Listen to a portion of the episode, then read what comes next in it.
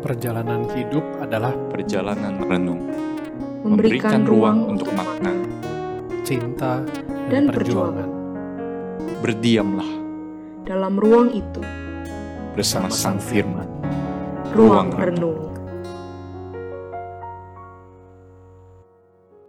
Kita bermulai dari eh, kisah para rasul 17 eh, yaitu di perjalanan misionaris Paulus yang kedua. Kita mengenal juga di awal dari pasal yang ke-17 eh, Paulus sedang di Berea eh, dan dia waktu itu bertemu dengan orang-orang Yahudi yang katanya soleh dan menyelidiki kitab suci.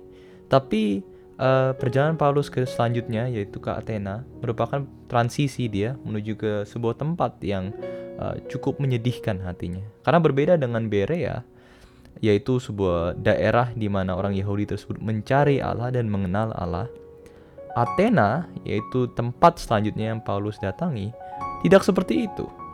Uh, mari kita mulai dari kita kisah para rasul 17 ayat yang ke-16. Dikatakan sementara Paulus menantikan mereka di Athena, sangat sedih hatinya karena ia melihat bahwa kota itu penuh dengan patung-patung berhala. Karena itu di rumah ibadah ia bertukar pikiran dengan orang-orang Yahudi dan orang-orang yang takut akan Allah dan di pasar setiap hari dengan orang-orang yang dijumpai di situ. Lalu kita tahu selanjutnya dia bahkan berdebat dengan filsaf filsuf-filsuf dari golongan Epikuros dan Stoa eh, yaitu regu filsafat yang eh, begitu terkenal pada zamannya dan pada saat ini juga. Eh, dan lalu dikatakan bahwa dia akhirnya diundang berhadapan di sidang Areopagus dan di mana mereka yaitu para para filsuf dan juga orang-orang Yunani di saat itu ingin mendengar apa yang dia harus katakan uh, mengenai iman dia. Lalu Paulus dikatakan dari ayat 22 uh, Paulus pergi berdiri di atas Areopagus dan berkata, "Hai orang-orang Athena, Aku lihat bahwa dalam segala hal kamu sangat beribadah kepada dewa-dewa. Sebab ketika aku berjalan-jalan di kotamu dan melihat-lihat barang-barang pujaanmu, aku menemui sebuah mesbah dengan tulisan kepada Allah yang tidak dikenal. Apa yang kamu sembah tanpa mengenalnya, itulah yang kuberitakan kepadamu. Dan lalu Paulus kita lihat dari ayat 24 selanjutnya dia menceritakan siapa Allah ini Allah yang telah menjadikan bumi dan segala isinya ia yang adalah Tuhan atas langit dan bumi tidak diam dalam kuil-kuil buatan tangan manusia dan juga tidak dilayani oleh tangan manusia seolah-olah ia kekurangan apa-apa karena dialah yang memberikan hidup dan nafas dan uh, segala sesuatu kepada semua orang Uh, lalu kita coba lompat ke ayat 27 sebab mereka mencari dia dan mudah-mudahan menjamah dan menemukan dia walaupun ia tidak jauh dari kita masing-masing. Sebab di dalam dia kita hidup, kita bergerak, kita ada seperti yang telah juga dikatakan oleh pujangga-pujanggamu. Sebab kita ini dari keturunan Allah juga. Uh, lalu uh, kita berakhir juga uh, dari ayat 30 sampai uh, yang ke-33 kisahnya adalah Paulus bercerita tentang bahwa Allah ini akan mulai menghakimi. Dia akan menetapkan hari di mana dia akan menghakimi uh, dan lalu juga dia akan membangkitkan orang-orang mati. Nah, di sinilah diceritakan bahwa mereka yang dari kaum-kaum uh, filsuf uh, sebelumnya itu mereka tidak senang dan berkata, udah lain kali aja kita dengar tentang kamu. Dan di situlah Paulus berhenti dan dia harus meninggalkan mereka. Nah, uh, ini ayat yang sangat menarik ya, ayat yang sangat-sangat menarik. Konteksnya adalah tentu kita tahu di daerah Athena, yaitu di Yunani. Uh, apa yang terjadi dalam filsafat Yunani di saat itu? Kita mengenal Yunani itu uh, merupakan pusat dari filsafat Barat, dikatakan ya, karena uh, beberapa filsuf-filsuf terkenal, terutama Aristoteles dan Plato, berasal dari daerah tersebut. Dan mereka pun sebenarnya berbicara tentang Tuhan sebenarnya. Yaitu contohnya Aristoteles menganggap Tuhan itu uh, dasar dari realita tetapi Tuhan itu sebenarnya tidak mampu bergerak. Dia itu yang menggerakkan tanpa dia sendiri tergerak. Caranya adalah Tuhan itu menginspirasi uh, ciptaan atau realita untuk melakukan pekerjaannya tetapi Tuhan itu sendiri tidak bergerak. Dia itu seperti patung patung yang indah tetapi tidak bisa apa-apa Nah, ini menarik sekali karena inilah konteks juga dari Paulus mendatangi kaum-kaum uh, filsuf di uh, Athena karena orang-orang Athena saat itu yang dari golongan Epicurus dan Stoa menanyakan pertanyaan yaitu bagaimana cara kita bisa hidup dengan baik. Dan filsafat-filsafat yang berasal dari kaum-kaum Aristoteles dan sebagainya pun sangat kuat pada saat ini uh, yang menganggap Allah itu uh, sebuah Allah yang pasif, tapi yang jauh lebih megah dari ciptaan manusia, dari manusia sendiri. Nah, kita mendengar cerita seperti ini, aku rasa ada satu hal yang kita bisa mulai, yaitu konteks kita pribadi. Yaitu sebagai orang Kristen, menurutku hal yang paling sulit adalah untuk kita menemukan iman kita sebagai bagian yang utuh dari diri kita. Karena dalam hidup modern, seperti juga orang-orang di daerah Athena waktu itu, hidup kita itu begitu bising dan tak ada lagi keheningan. Dikatakan di kisah para rasul 17 ini bahwa orang Athena itu sukanya mendengarkan dan berbicara hal-hal yang baru aja. Gitu mereka tidak senang dengan hal-hal yang kuno, hal-hal yang kurang sensasional dan itu pun sama seperti kita. Dan hasilnya apa? Hasilnya tentunya karena begitu banyak pendapat dan mungkin juga tidak ada pegangan hidup. Mereka harus membuat ala berhala-berhala yang sebenarnya mereka sendiri tidak tahu. Dan seperti mereka, sering kali Allah pun sepertinya mati buat kita. Itu kita menyembah Allah, kita mungkin tahu oh kita orang Kristen dan sebagainya, tapi Allah itu ya nggak ada suaranya buat kita. Allah itu nggak ada nampaknya. Bahkan mungkin buat kita Allah itu nggak pernah menghadiri. Itu kosong aja yang kita lihat tuh sebatas bangku-bangku gereja.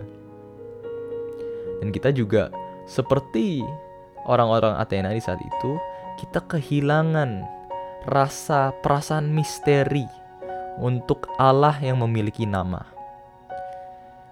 Nah, inilah yang dirasakan orang Athena di saat Paulus mengunjungi dan berbicara Allah itu akan menghakimi, eh, Allah itu membangkitkan orang mati, dan Allah itu adalah Allah yang uh, megah tapi juga Allah yang berpribadi, mereka nggak seneng.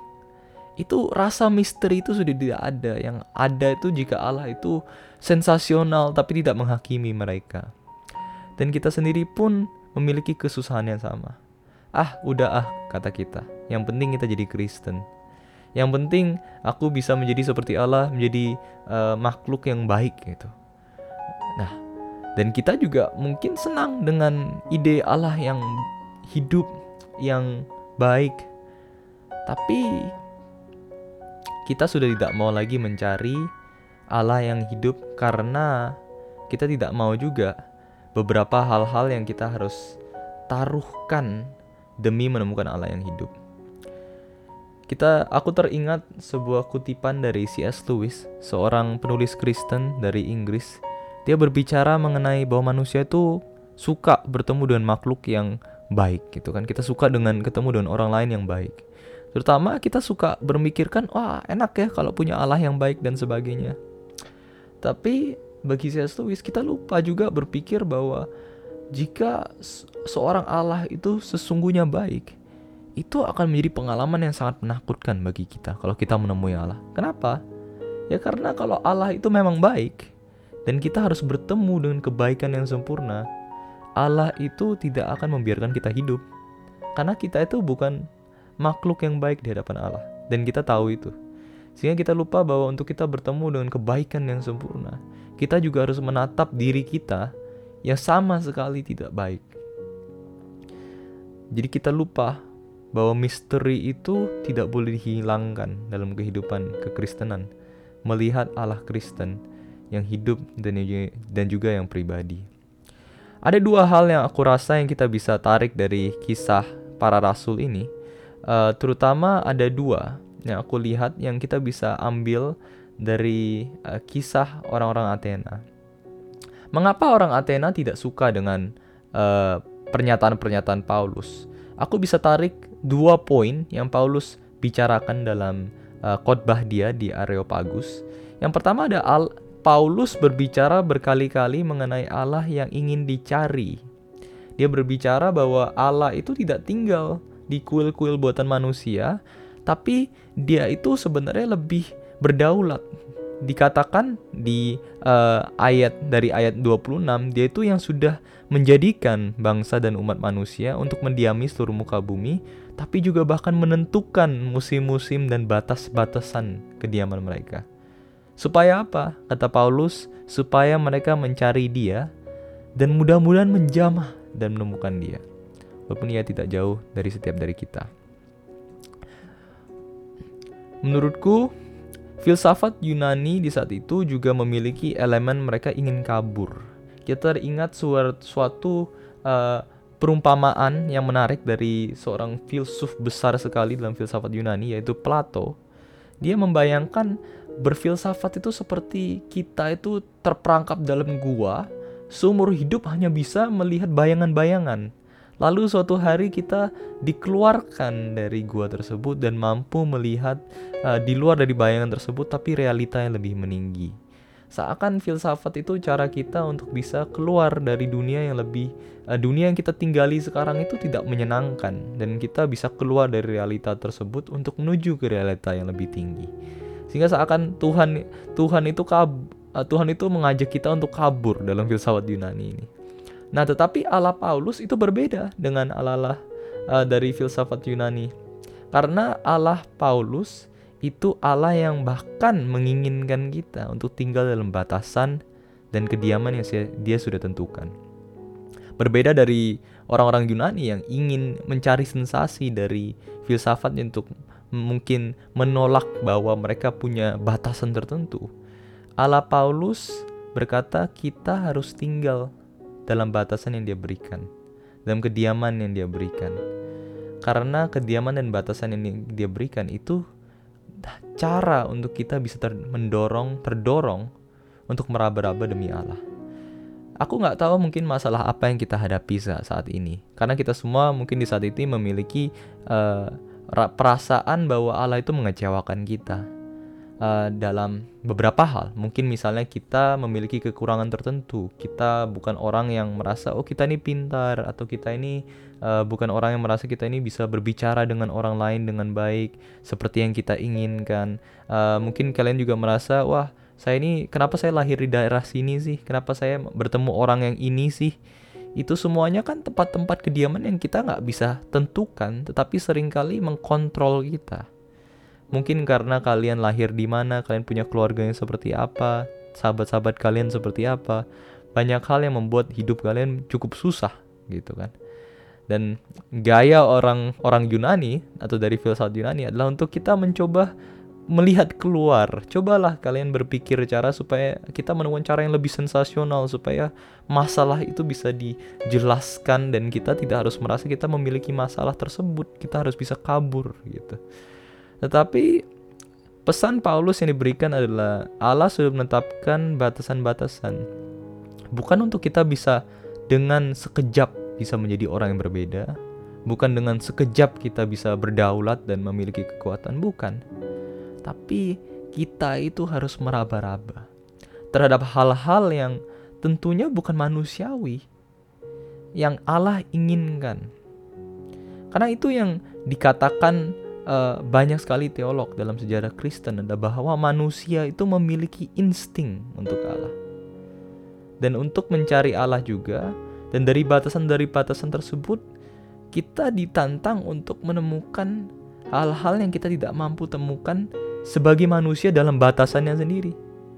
Yaitu cinta yang tidak manusiawi, pengampunan yang tidak manusiawi, pengorbanan yang tidak manusiawi, Hal-hal ini kan yang sebenarnya cara manusia dalam uh, perbatasannya, pembatasan dalam hidupnya, kita sering kali merasa ah udah nggak bisa ah, aku dibatasi seperti ini.